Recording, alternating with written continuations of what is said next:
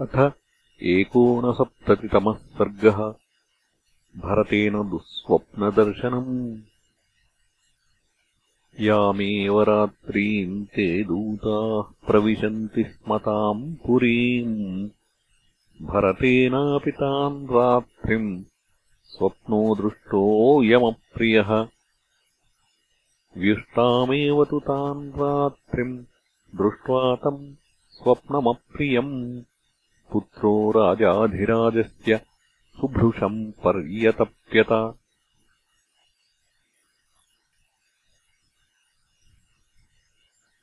तप्यमानम् समाज्ञाय वयस्याः प्रियवादिनः आयासंहिदिनेष्यन्तः सभायाम् चक्रिरे कथाः। वादयन्ति तथा शान्तिम् लासयन्त्यपि चापरे नाटकान्यपरे प्राहुः हास्यानि विविधानि च। स तैर्महात्मा भरतः सखिभिः प्रियवादिभिः गोष्ठीहास्यानि कुर्वद्भिः न प्राहुष्यतराघवः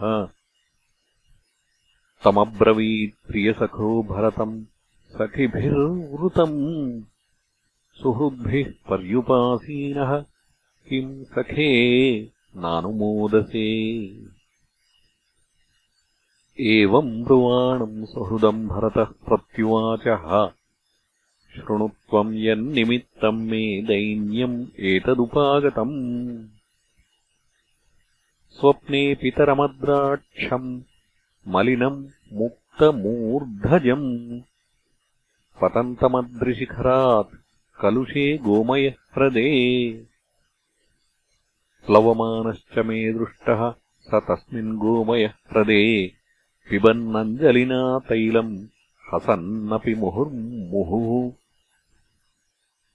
ततः तिलौदनम् भुक्त्वा पुनः पुनरधः शिराः तैलेनाभ्यक्तसर्वाङ्गः तैलमेवावगाहत। स्वप्ने च सागरम् शुष्कम् चन्द्रम् च पतितम् भुवि उपरुद्धाम् च जगतीम् तमसेव समावृताम्। औपवाह्यस्य नागस्य विषाणम् शकलीकृतम्। सहसा चापि संशान्तम् ज्वलितम् जातवेदसम्।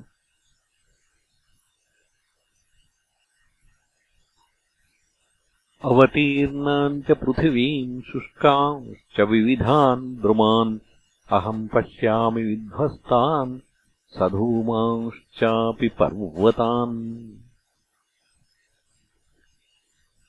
पीठे कार्ष्णायसे चैनम् निषण्णम् कृष्णवाससम् प्रहसन्ति स्म राजानम् प्रमदाः कृष्णपिङ्गळाः स्वरमाणश्च धर्मात्मा रक्तमाल्यानुलेपनः रथेन खरयुक्तेन प्रयातो दक्षिणामुखः। प्रहसन्तीव राजानम् प्रमदा रक्तवासिनी प्रकर्षन्ती मया दृष्टा राक्षसी विकृतानना। एवमेतन्मया दृष्टम् इमान् रात्रिम् भयावहाम्।